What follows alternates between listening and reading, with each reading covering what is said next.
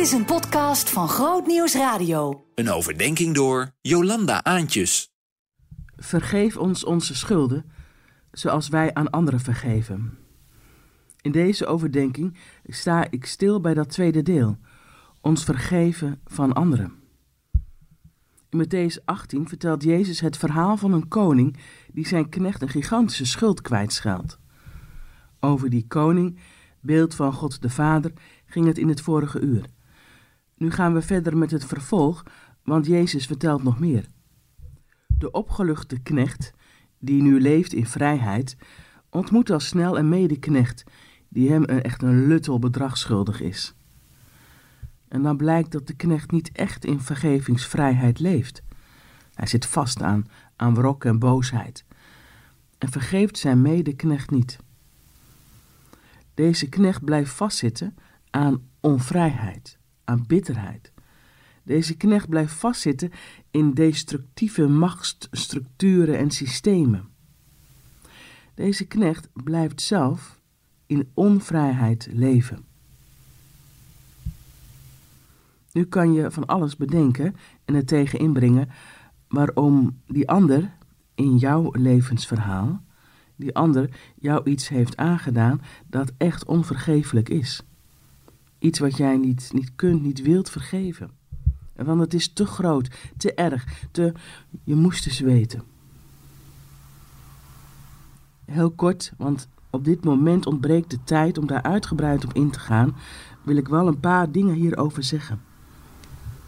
Als eerste, je hebt gelijk. Wat jou is aangedaan is te groot. Ik maak jouw wond niet kleiner. En je mag de pijn en het verdriet erover voelen. God is hierin ook met jou bewogen. Als tweede, vergeven is niet hetzelfde als verzoening. Je vergeeft iemand omdat jij gebonden bent aan die persoon die jou iets heeft aangedaan door wat er gebeurd is of gezegd is. En die gebondenheid, die mag je loslaten, overgeven aan God. En dat kan ook, dus als die persoon niet meer leeft of die anders niet meer tot reageren in staat is. Verzoening, dat kan alleen wanneer er van beide kanten ruimte voor is. Dat kan dus niet altijd. Als derde, vergeven is niet hetzelfde als vergeten. Littekens kunnen blijven en kunnen bij tijden zeer doen. Maar wanneer je daar steeds mee naar God gaat, zul je wel ervaren dat de pijn anders en lichter wordt. Als laatste, vergeven is niet goed praten. Waar een ander schuld heeft, ook menselijk, dan mag daar ook een aardse straf tegenover staan. Wat jij doet met vergeven, is dat je erkent dat wraak niet aan jou is. En dat je loslaat die band, die gebondenheid die de ander met jou heeft. Waardoor jij niet in vrijheid kunt leven. Vergeven is in eerste instantie vaak ook een wilsbesluit. Je kiest ervoor de ander te vergeven, omdat jij ook uit de vergeving van God leeft. Die onnoemelijk grote vergeving.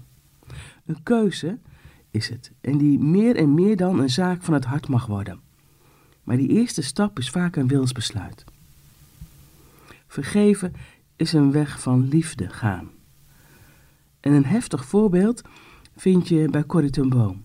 Zoek maar eens op op internet bij Vergeving Corrie ten Boom film.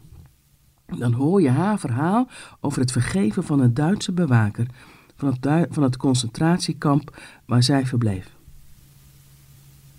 Wie heb jij te vergeven, opdat je zelf in Gods liefde en vrijheid kan leven?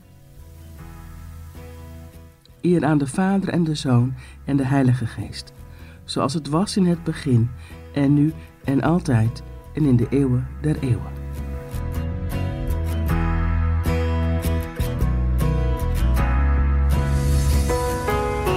Meer verdieping? grootnieuwsradio.nl slash podcast